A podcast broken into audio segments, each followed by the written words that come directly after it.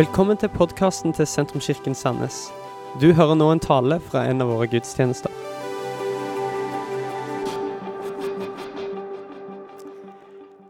I dag skal vi fortsette serien om nådens gåte. Eh, Mitt navn er Solveig, en av pastorene her i kirka. Eh, Og jeg gleder meg til dette. Samtidig har denne talen nesten vært vanskelig å forberede seg til. Eh, ikke fordi at jeg ikke har noe å si, eller liksom det er sånn her, å nåde, hva skal vi si da? men bare fordi at dette er så enormt stort tema. Eh, Og det er så enormt mye som kunne vært sagt. Og hver gang jeg virkelig tar meg tid til å sette meg ned og reflektere og tenke over nåden, så skjønner jeg at det er så ufattelig stort. Eh, Og den har så mange aspekt, og det er så mange vinklinger og det er så mange konsekvenser. Så egentlig så har jeg lyst til å si sånn helt først at min første oppfordring til oss Fordi at tre taler på 30-40 minutter nå i september eh, er jo ikke i nærheten av å dekke dette temaet. Så kjøp boka, fortsett å studere. Tenk på det, reflekter over det. La oss handle på det vi skjønner av nåden. Eh, for det vil forandre livene våre. Eh, det å få lov til å ta imot Guds nåde, for så å gi den videre igjen til andre, det forvandler oss. Og det forvandler òg samfunnet og mennesker rundt oss. Nåde tar bort skam og gir oss en ny start. Nåde bytter ut bitterhet med tilgivelse. Nåde omfavner i stedet for å skape avstand. Nåde gjenoppretter ødelagte relasjoner. Nåde bringer fred der det var hat og hevn. Det er så voldsomt vakkert. Samtidig er nåde skandale. Fordi at det utfordrer oss opp. Det går ikke opp med logikken vår. Den bryter med reglene for hva vi tenker, og den gir oss ikke som fortjent. Og Derfor er den også en gåte. Det er så enkelt på den ene sida og så vakkert og bare sånn Ja! Og på andre sida er det bare sånn Det er så vanskelig å skjønne det, egentlig. Og Derfor så har vi kalt denne serien nå i september for Nådens gåte. Og hvis du gjør et søk på nåde på bibel.no, så får du opp 169 treff. Eh, Og det er jo, eh, Hvis du har lyst til å studere dette, så kan du gjøre det. Og se på alle disse versene som handler om nåde. Eh, Men teksten som jeg har valgt for denne søndagen, den inneholder ikke ordet nåde. Men er kanskje likevel en av de fortellingene som demonstrerer Guds nåde så ufattelig vakkert. Denne teksten er det gjort ufattelig mange prekter om. Jeg vet vi har hatt den som prekentekst her mange ganger. Og Derfor så har jeg lyst til å be deg om, som har hørt denne teksten før, og som nesten er lei av den Det kan jeg ta meg sjøl noen gang. Å nei, ikke det. Det har jeg hørt før. Sant? Men ikke gå i sånn der 'Å, jeg har hørt det før'-modus. Ok? Kan, kan vi få til det? Sant? At vi, vi prøver å ikke tenke ja, been there, done that, liksom, og uh, vet alt du har å si om det. Uh, men la den teksten tale til oss i dag, og det kommer opp på skjerm. Eh, og det er fra Lukas 15 og vers 11. Jesus sa, en mann hadde to sønner. Den yngste sa til faren, 'Far, gi meg den del av formuen som faller på meg.' Han skiftet da sin eiendom mellom dem. Ikke mange dager etter solgte den yngste sønnen alt sitt og dro til et land langt borte. Der sløste han bort formuen sin i et vilt liv. Men da han hadde satt alt over styr, kom det en svær hungersnød over landet, og han begynte å lide nød. Da gikk han og søkte tilhold hos en av innbyggerne der i landet. Og mannen sendte ham ut på markene sine for å passe grisene. Han ønsket bare å få mette seg med de belgfruktene som grisene åt, og ingen ga ham noe. Da kom han til seg selv og sa, 'Hvor mange leiekarer hjemme hos min far har ikke mat i overflod?' Mens jeg går her og sulter i hjel. Jeg vil bryte opp og gå til min far og si, 'Far, jeg har syndet mot himmelen og mot deg.' 'Jeg fortjener ikke lenger å være sønnen din, men la meg få være som en av leiekarene dine.' Dermed brøt han opp og dro hjem til faren. Da han enda var langt borte, fikk faren se han, og han fikk inderlig medfølelse for han. Han løp sønnen i møte, kastet seg om halsen på han og kysset han. Sønnen sa, 'Far, jeg har syndet mot himmelen og mot deg.' 'Jeg fortjener ikke lenger å være sønnen din.' Men faren sa til tjeneren sin, 'Skynd dere, finn fram de fineste klærne og ta dem på ham.' 'Gi ham ring på fingeren og sko på føttene, og hent gjøkalven og slakt den.' 'Så vil vi spise og holde fest.' For denne sønnen min var død og er blitt levende. Han var kommet bort og er funnet igjen. Og så begynte festen og gleden. Imens var den eldste sønnen ute på markene. Da han gikk hjem og nærmet seg gården, hørte han spill og dans. Han ropte på en av karene og spurte hva som var på ferde. Din bror er kommet hjem, svarte han, og din far har slaktet gjøkalven fordi han eh, har fått ham tilbake i god behold. Da ble han sint og ville ikke gå inn. Faren kom ut og prøvde å overtale han, men han svarte faren, her har jeg tjent deg i alle år, og aldri har jeg gjort imot ditt bud. Men meg har du ikke engang gitt et kje, så jeg kunne holde fest med vennene mine.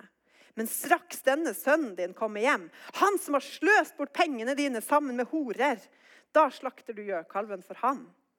Faren sa til han, barnet mitt, du er alltid hos meg, og alt mitt er ditt. Men nå må vi holde fest og være glade. For denne broren din var død og er blitt levende. Han var kommet bort og er funnet igjen. Denne historien er en lignelse som Jesus forteller. Eh, en lignelse var en oppdikta historie som skulle gjøre det enklere for mennesker å forstå. Eh, historiene var eksempler med nærhet til folk sine hverdager og var bilder på hvordan Guds rike er. Og Jesus forteller denne historien og to andre historier som står rett før, i forbindelse med at det var noen religiøse ledere i landet som var misfornøyd. Det står at de murra. Eh, hvorfor det? Jo, fordi at Jesus var sammen med syndere og tollere. Og Det står rett før Jesus forteller at de holdt seg nær til han. Disse folkene her som var egentlig ikke akseptert, som var utskvist av samfunnet. Men de holdt seg nær til Jesus. Noe som må jo bety at de syntes det var godt å være rundt Jesus. Og ikke bare var han sammen med dem, men han spiste med dem. Og det var skandale. Eh, og skandalen den skapte overskrifter, kommentarer i kommentarfeltene på Facebook og sikkert òg diskusjoner i lukkede forum eh, av dette. Hvordan kan han? Han burde vite bedre. Forstår han ikke hvem de her er? Disse har ikke fortjent det. Og da er det Jesus forteller bl.a. denne historien om sønnen som kommer hjem. Sønnen som velger å bryte, eh, ta ut sin del av arven, og han faktisk gjør et brudd med hjemmet sitt. Han drar et langt borte og sier at på en måte fra nå av så er ikke det mitt hjem. Jeg tar arven min, jeg bryter opp alle relasjonene, og jeg drar til en annen plass. Og så går det skikkelig skeis, da. Etter hvert. Eller først har han det veldig kjekt og suse og duse og lever livet. Men så havner han i en situasjon som han mest sannsynlig ikke hadde sett for seg. Som det kanskje gjør for alle oss på et eller annet tidspunkt. Og Livet han hadde begitt seg ut på, gikk rett og slett rett i dass. Og det var flaut. Men så står det noe interessant i denne teksten. At det står at han kom til seg sjøl. Plutselig så skjønner han kanskje Oi, men det er jo ikke dette jeg egentlig er. Det er ikke dette livet jeg egentlig var ment til å leve. Og hva er det som skjer da? Jo, da står det at han begynner å huske på det han hadde. Så begynner han å tenke på relasjonen til pappaen sin. Han begynner å tenke på de gode hjemmene han kom fra. Han begynner å tenke på hvor fint han hadde det. Og så sammenligner han det med det han har rota til. Og så tenker han jeg vil hjem. Men så vet han jeg kan ikke gå hjem. Jeg kan bare ikke gjøre det. Jo, det er jo jeg sjøl som har brutt denne relasjonen. Det er jeg sjøl som har valgt å leve dette livet. Og så tenker han jeg kan i alle fall ikke gå hjem og forlange at jeg skal få være sønn. Men så sitter han der og reflekterer og tenker litt. Men, men kanskje kanskje kan jeg gå hjem og spørre pappa min kanskje kan jeg bare få være tjener her. Og så ser jeg for meg han sitter og diskuterer med seg sjøl og sier han, ok, men det er verdt en sjanse. Jeg prøver. Jeg drar hjem. Jeg forventer ikke å liksom være sønn eller liksom at det skal være min hjem, men Jeg vil jo uansett ha det bedre som tjener i det huset enn det livet jeg lever nå. Men hjemme så er det en pappa som ikke har glemt sønnen sin. Han har på ingen måte brutt, kan vi lese ut fra det som står her. Han lengter, og han venter. Og han håper at sønnen sin kommer hjem. Og han venter og han speider. Sønnen er på vei hjem. Faren er på utkikk. Og så kommer det her øyeblikket da, hvor de får øye på hverandre. Og hva gjør man da? Hva skal pappaen gjøre da, når han ser ut vinduet og ser ok, der kommer han, ja. Vi vet ikke hvor lenge han har vært borte. Kanskje det er flere år. Kanskje skal han tenke ja, ok, der kommer han som stakk av med arven min. og Han som ikke ville kalle det her hjemmet sitt for sitt. Vel, nå skal han få høre hva jeg har å si. Og Kanskje det er det også sønnen er redd for. det der øyeblikket. Hva er det som møter meg nå? Jeg tar nesten ikke å se. Hva kommer til å møte meg idet jeg kommer hjem til pappaen min nå? Og Kanskje er det nettopp den redselen i oss som også gjør at vi holder avstand når vi feiler.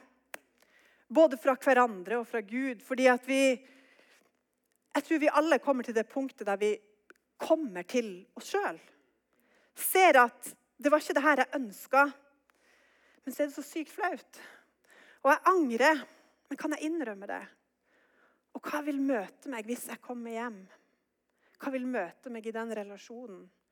Hvordan vil Gud reagere på det her?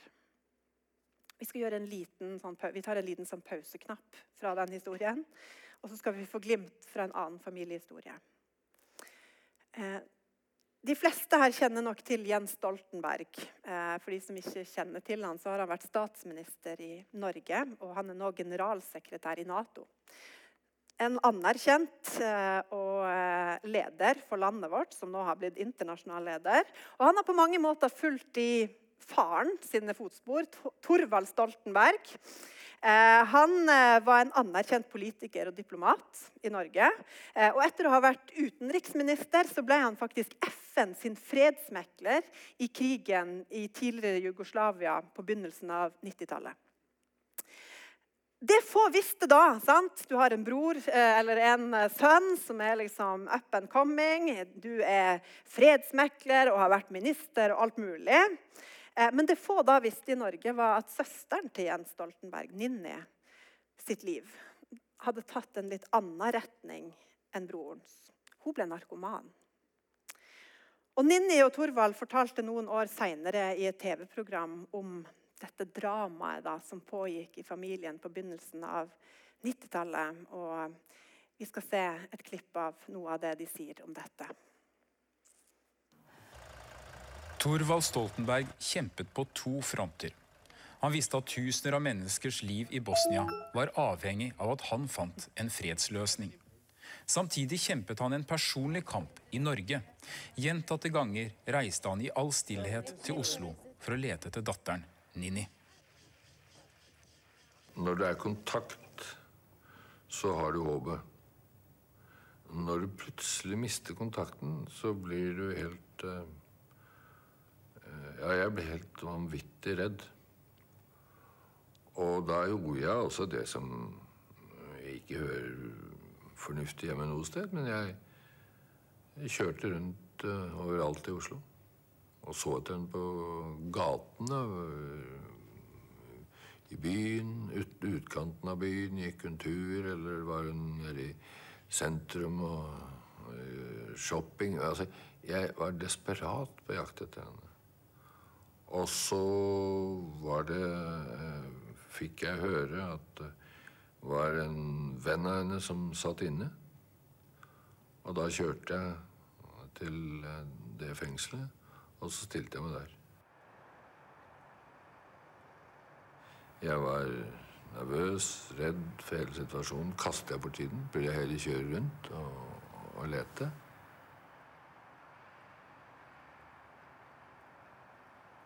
Og der satt jeg da i mangfoldige timer. Plutselig så kom hun. Først, aller først ville jeg helst snu og løpe. Jeg får panikk med en gang jeg ser ham, for det er jo det, det jeg har vært redd for. Men han kommer mot deg. Han kommer Han blir stående lenge. Så jeg, han gir meg muligheten til å løpe, faktisk. Han gjør det. Han står lenge stille. Nei, jeg, jeg er ikke jeger, men jeg går ut fra at det er sånn jegere oppfører seg. Når du er på jakt. Og jeg var på jakt etter datteren min. Vi står og ser på hverandre. Jeg kan ikke si hvor lang tid, for for meg virker det som en evighet. Du lurer på om du skal løpe, og Ja. du gjør det ikke. Nei, jeg gjør det ikke. Og så Og så går han bort til meg og holder meg fast. Det, altså på en sånn måte at jeg følte at nå ble jeg holdt oppe selv om jeg ikke orker å stå lenger.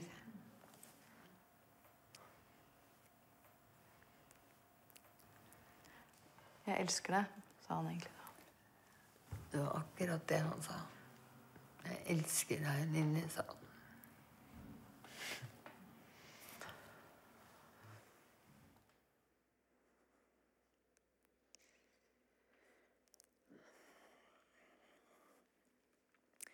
Nå blir jeg holdt oppe.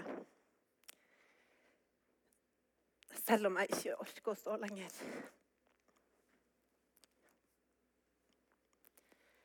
En pappa som er på desperat utkikk og finne datteren som han har leita etter så lenge. Og hva gjør han? Han gir henne muligheten til å stikke.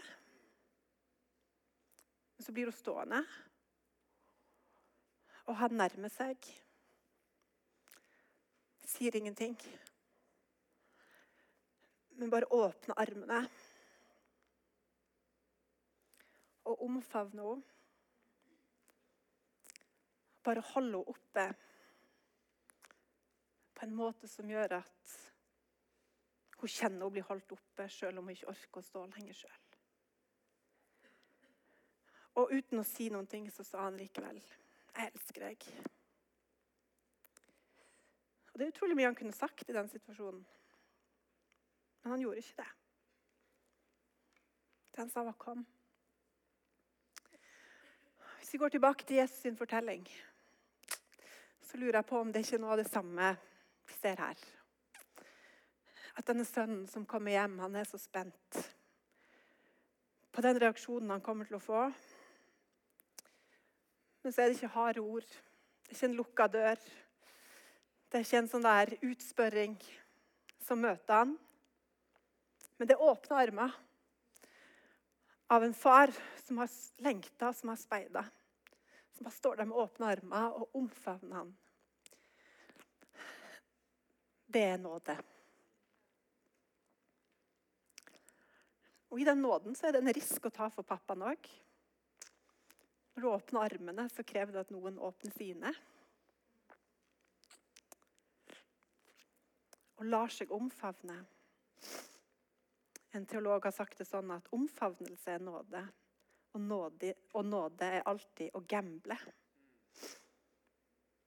For denne pappaen, før sønnen rakk å gjøre noen ting, så bare åpna han armene sine.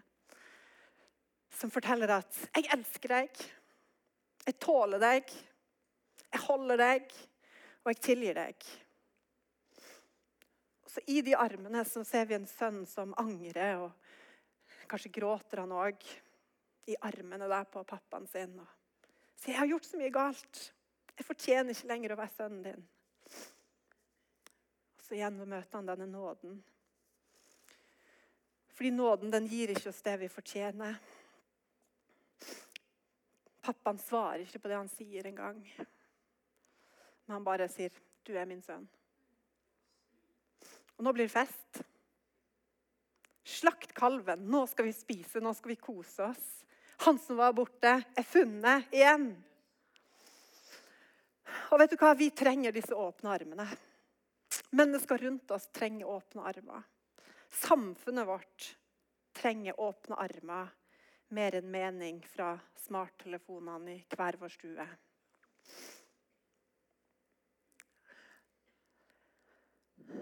En nåde som forandrer.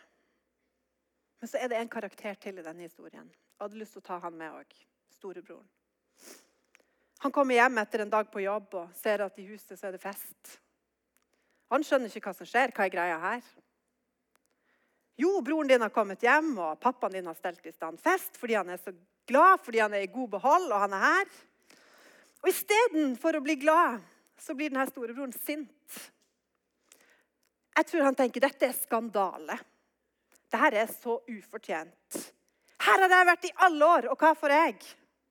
Og så kommer denne broren min hjem, og jeg ser nesten for meg liksom bare sinnet bygge seg opp. Han som har sløst bort pengene dine, pappa. Sammen med prostituerte. Hallo! Og så lager du en fest. Det henger ikke på greip. Og Vi kan kanskje raskt bli litt sånn irritert på denne storebroren når vi leser denne fortellingen. Men du, hvis vi er helt ærlige Kanskje blir vi litt sånn sjøl av og til òg. At vi tenker de fortjener ikke det her. De burde minst ha vist at de har forandra livet sitt før de kan ta imot. At de skjerper seg, at de slutter. Men nåden, den er skandale. Og vi som har fått erfare den, står kanskje i fare for å glemme hva vi har, og hva vi har fått. Så sier denne pappaen, 'Barnet mitt, men du er jo alltid hos meg.' 'Alt mitt er ditt.' Men nå må vi holde fest og være glad. For denne broren din var død og er blitt levende. Han var kommet bort og er funnet igjen. Det er det Gud sier til oss. Alt mitt er ditt. Skjønner vi det? Og jeg tror at når nåden treffer oss, så beveger den hjertet vårt. Og så åpner den armene våre. Og jeg håper at vi gjennom denne serien skal få oppleve hvordan Gud omfavner oss, og at vi igjen klarer å omfavne andre. At i stedet for å stå på avstand med skeptiske hender i kryss, så åpner nåden armene våre. Fordi vi sjøl har fått lov til å komme inn i de armene av en som var vel vitende om at vi ikke hadde fått alt til, men likevel åpna armene sine og holdt oss da vi sjøl ikke trodde vi skulle klare mer. Og sa, 'Jeg elsker deg'. Dette var slutten på denne talen. Håper du har blitt inspirert. Om du har lyst til å vite mer om hvem vi er, eller hva vi gjør, eller har lyst til å høre flere podkaster, så kan du besøke vår nettside sentrums.no.